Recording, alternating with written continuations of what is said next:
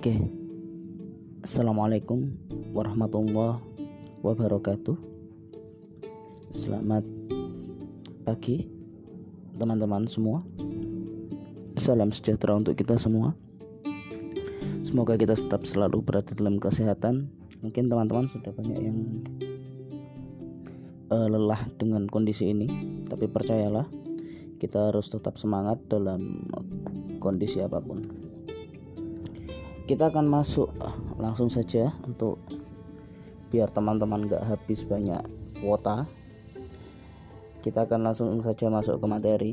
Nah, ada bahasan kita pada kali ini adalah elemen komunikasi massa part 2 yakni tentang gangguan, gatekeeper, pengatur, dan juga filter ketika kemarin sudah ada elemen uh, komunikator hingga isi mengapa sekarang ada elemen lain seperti ini nah itu akan saya bahas di akhir salah satunya teman-teman bisa menggunakan elemen ini untuk menjadi uh, konseptualisasi dari beberapa teori salah satunya adalah teori yang cukup saya sukai yakni teori hegemoninya Antonio Gramsci Sistematika pembahasan kita yakni mulai gangguan, gatekeeper, pengatur, filter, lalu teori penunjang. Apa itu? Kita masuk ke gangguan. Dalam uh, saluran komunikasi massa, biasanya selalu ada gangguan itu. Gangguan itu berupa ber berbagai hal seperti kesalahan cetak, kata yang hilang atau typo, paragraf yang hilang hal itu juga termasuk gambar yang tidak jelas noise kalau di internet sekarang jaringan rusak dan sebagainya Kenyataannya, semakin kompleks teknologi yang digunakan masyarakat, semakin besar dan eh, peluang munculnya gangguan itu semakin banyak. Dalam hal ini, gangguan tidak hanya bersifat hal-hal yang saya sampaikan tadi, juga merupakan gangguan uh, bagaimana orang itu memaknai suatu pesan itu juga merupakan gangguan. Secara garis besar ada dua jenis uh, gangguan. Yang pertama gangguan saluran seperti yang saya sampaikan tadi berupa gelombang tidak jelas dan lain-lain. Nah, gangguan saluran ini sebenarnya tergantung pada bagaimana media itu menjaga kualitas dan juga kondisi sosial politik atau sosial ekonomi. Semisal eh, di negara-negara yang memang infrastrukturnya untuk komunikasi itu rendah, ya jelas eh, gangguan saluran ini merupakan hal yang wajar bagi mereka. Namun di negara-negara Indonesia atau negara-negara maju dan berkembang, gangguan saluran ini saya rasa tidak cukup banyak meskipun eh, di beberapa daerah di pedesaan juga masih banyak gangguan-gangguan semacam ini. Lalu ada gangguan eh, semantik. Ini yang menarik. Nah, gangguan semantik ini eh, gangguan yang berkaitan dengan bahasa yang diakibatkan oleh pengirim dan penerima pesan itu sendiri. Maksudnya gini. Eh, ada bahasa yang mungkin di tempat kita itu adalah hal yang maknanya berbeda di tempat lain. Contoh, saya punya teman uh, sahabat karib dekat uh, sering juga saya berdiskusi dengan beliau beliau uh, orang Makassar orang Bugis. Nah kalau beliau itu bilang kita itu saya kira antara aku dan dia maksudnya. Tapi kita dalam artian dia adalah aku. Nah kita udah makan kita itu kamu udah makan maksudnya. Nah itu ketika dituliskan dengan kalimat seperti itu di media massa tentu akan ada makna semantik yang berbeda antara satu dengan yang lain proses pemaknaannya. Nah itulah proses yang berbeda. Kita kemarin juga belajar tradisi komunikasi tentang uh, semiotik. Nah, salah satu bahasan kajiannya adalah semantik. Jadi kata-kata itu memang memiliki ruang lingkup yang berbeda antara satu dengan yang lain. Uh, di India bilang iya itu bukan tidak menganggukkan kepala tapi menggelengkan kepala. Ya tentu itu uh, formulasi atau uh, pemaknaan yang berbeda deh antara satu budaya dengan budaya lain maka itu gangguan komunikasi di dalam komunikasi massa tidak hanya didasari dengan gangguan teknis tapi juga ada gangguan uh, cultural atau gangguan semantik seperti itu Lalu kita masuk ke materi yang selanjutnya yakni gatekeeper. Gatekeeper ini uh, pertama kali dikenalkan oleh Kurt Lewin. Nah, Kurt Lewin itu salah satu pakar sosio psikologi. Nah, dia pernah menulis tentang human relation atau hubungan manusia. Jadi hubungan masyarakat, hubungan manusia. Jadi manusia itu berhubungan dengan cara seperti apa? Konsep-konsepnya tentang psikologi sosial cukup bagus dan masih dipakai hingga saat ini. Dia uh, menulis konsep itu sekitar tahun 1947 Kata-kata tersebut merupakan sebuah istilah yang berasal dari lapangan sosiologi, namun kemudian digunakan dalam eh, studi eh, lapangan komunikasi massa. John Bittner tahun 1996 ini lebih mutakhir mendefinisikan istilah gatekeeper sebagai individu-individu atau kelompok orang yang memantau arus informasi dalam sebuah saluran komunikasi massa. Mereka itu reporter, editor berita, editor film, eh, atau orang yang dapat menentukan arus informasi yang disebarkan. Maksudnya gini, ketika editor berita itu menuliskan tentang lumpur Lapindo, itu dia jelas memikirkan afiliasinya dengan PT Lapindo namun ketika editor itu bilang lumpur Sidoarjo, dia mungkin jauh lebih netral atau malah sebenarnya tujuannya untuk mengaburkan makna.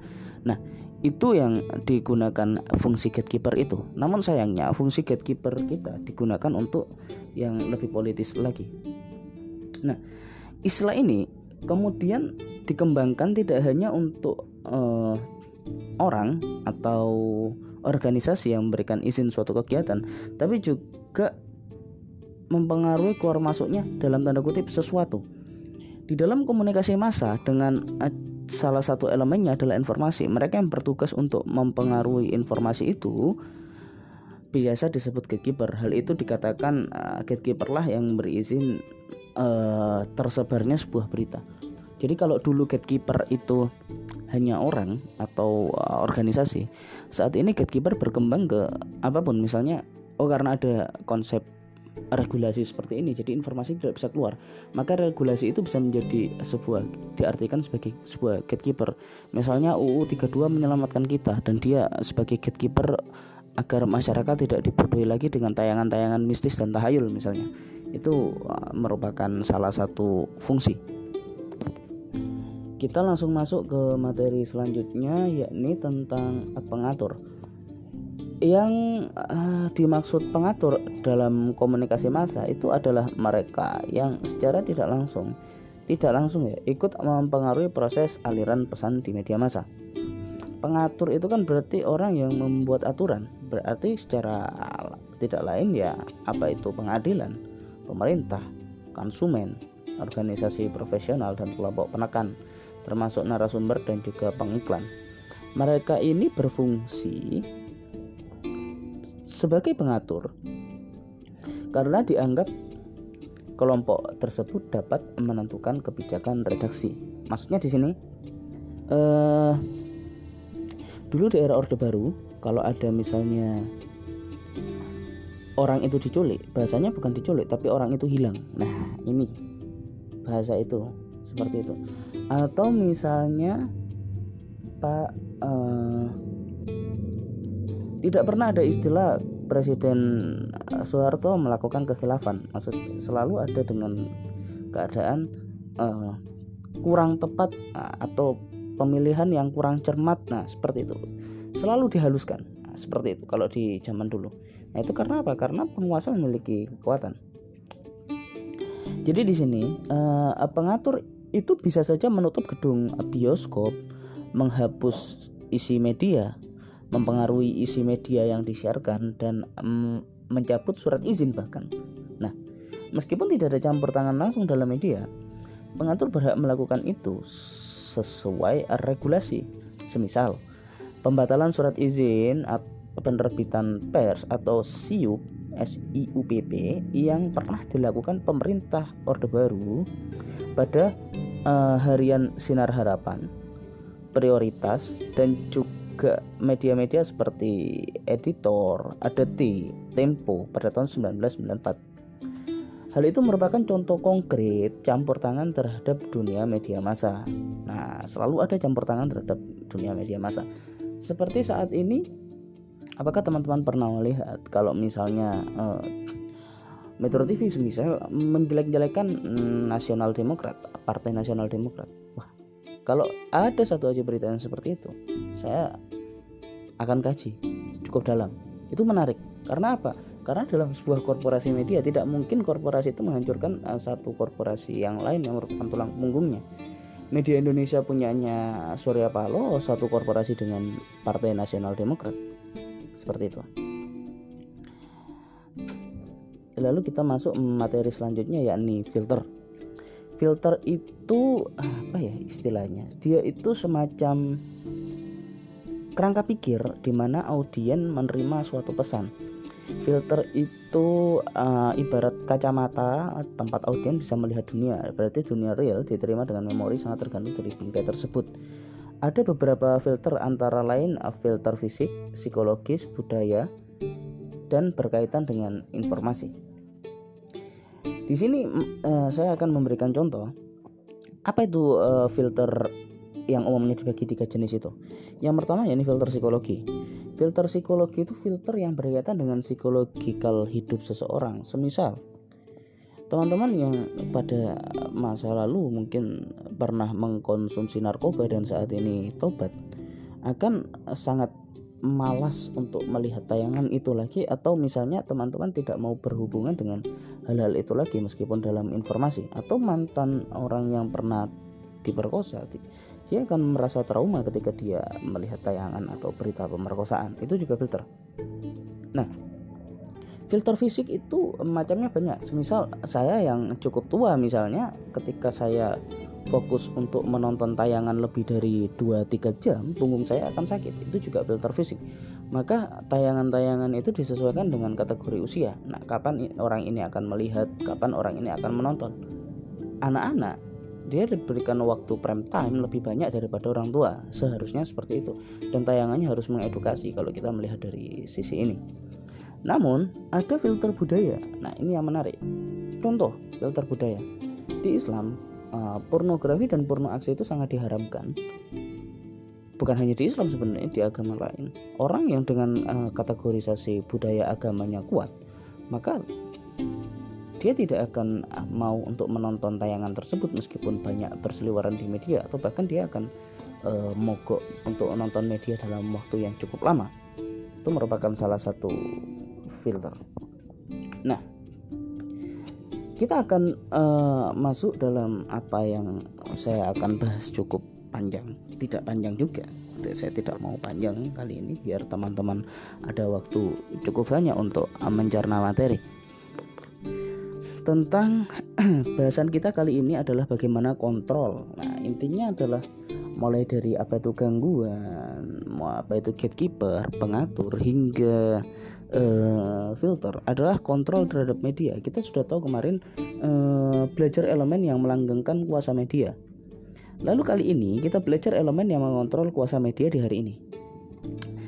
Hal itu didasari oleh pemikiran kritis Antonio Gramsci soal hegemoni. Jadi gini, sebenarnya kita itu bisa mengkritisi media atau mengontrol media dengan kita menguatkan elemen-elemen ini. Di Indonesia itu sudah tidak ada lagi uh, fungsi filter atau fungsi gangguan dalam kehidupan uh, sosial budaya masyarakat.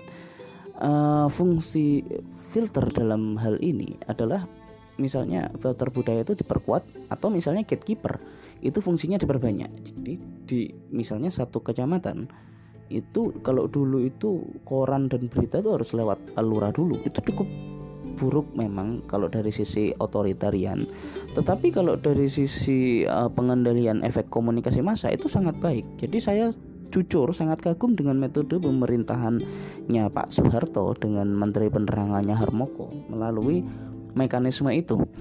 Bukan uh, saya menyukai elemen otoritarian, tetapi bagaimana informasi itu bisa stabil diterima oleh masyarakat. Itu yang harus kita kita tiru dengan tetap mempertahankan unsur demokrasi. Itu memang PR bersama bagi kita semua.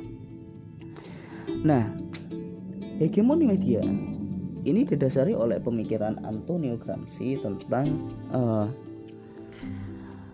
membuat definisi dasar uh, dari hegemoni adalah pengaruh kekuasaan atau dominasi kelompok sosial tertentu atas kelompok sosial lainnya yang biasanya lebih lemah. Ini pemikirannya Antonio Gramsci. Gramsci berdasarkan pada gagasan Karl Marx berpendapat bahwa terkadang individu tidak memahami adanya dominasi di dalam kehidupan mereka dan terkadang mengakibatkan kesadaran palsu atau false consciousness. Ini yang saya sering bilang. Jadi teman-teman selama ini tidak pernah sadar kalau misalnya kenapa sih kita harus uh, mendefinisikan kulit putih itu cantik. Nah, itu tidak pernah sadar. Atau uh, kita tidak akan pernah sadar kalau teman-teman ini berpikir apakah orang yang uh, tidak tidak main Mobile Legend adalah orang yang kudet pada zamannya atau sekarang yang lagi apa yang lagi booming? Uh, Dota COC eh, COC dulu zaman saya. Itu sekarang mungkin apa? PUBG yang lagi booming atau Free Fire. Anak-anak yang tidak main itu adalah anak yang culun. Itu karena dominasi media. Teman-teman tidak sadar di situ atau paling tidak kita pakai merek saja lah. Kalau kita pakai sepatu uh, mereknya oh, misalnya apa ya zaman dulu itu ada merek Kasogi dengan sepatu merek uh, misal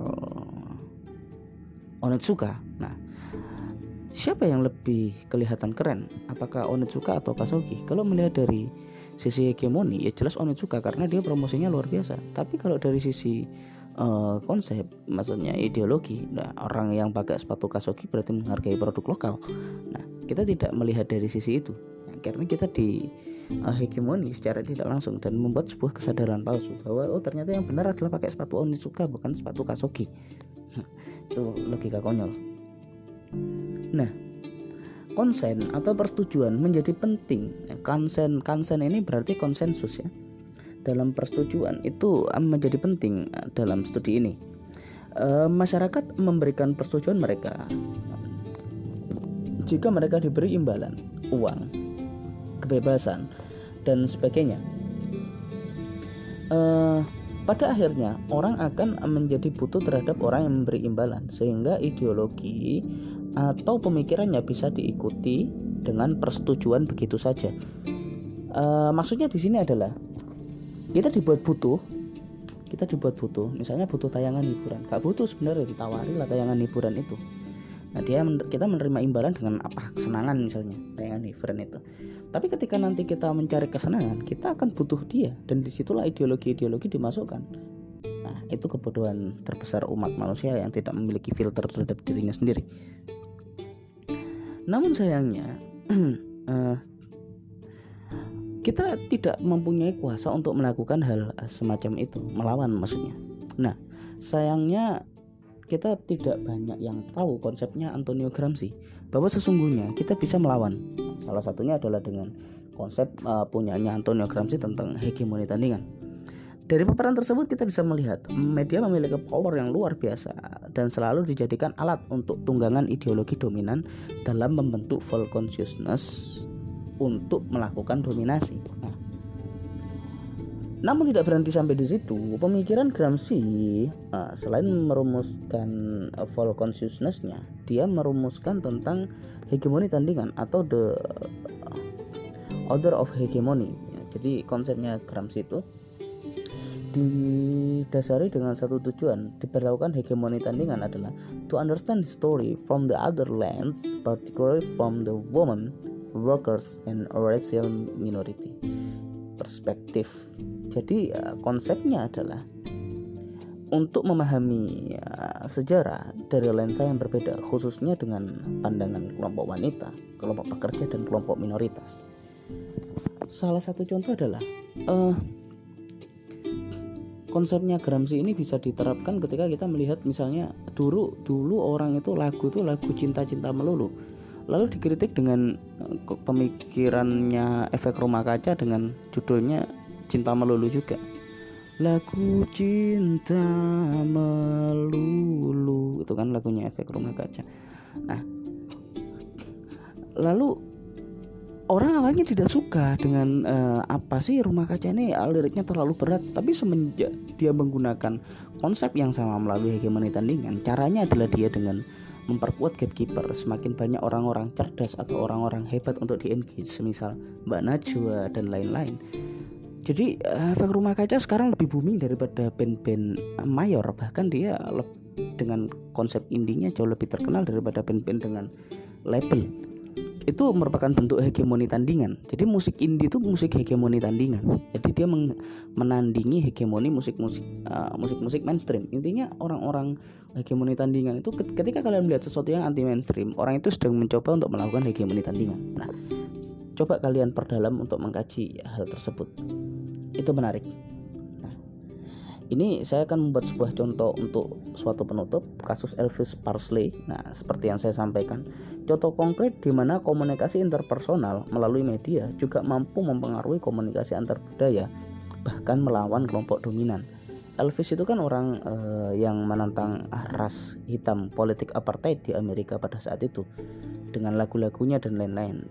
Apakah orang kulit putih benci? Malah tidak, dia malah suka sekali dengan lagunya Elvis.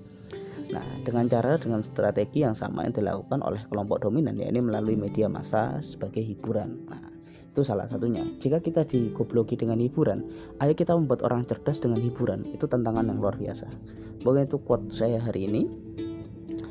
Hal yang tidak hal tersebut tidak akan terjadi tanpa dukungan kuat dari elemen uh, gatekeeper, pengatur, filter maupun gangguan untuk melawan komunikasi dominan. Nah, jika kita dicerdaskan dengan eh, dibodohi dengan hiburan mari kita lawan mereka dengan hiburan. Buatlah teman-teman konten untuk mencerdaskan masyarakat yang eh, tetap menghibur tapi eh, mencerdaskan. Mungkin itu saja yang bisa saya sampaikan. Akhir kata tetap semangat tetap belajar. Bila hitaufiq wal hidayah. Assalamualaikum warahmatullahi wabarakatuh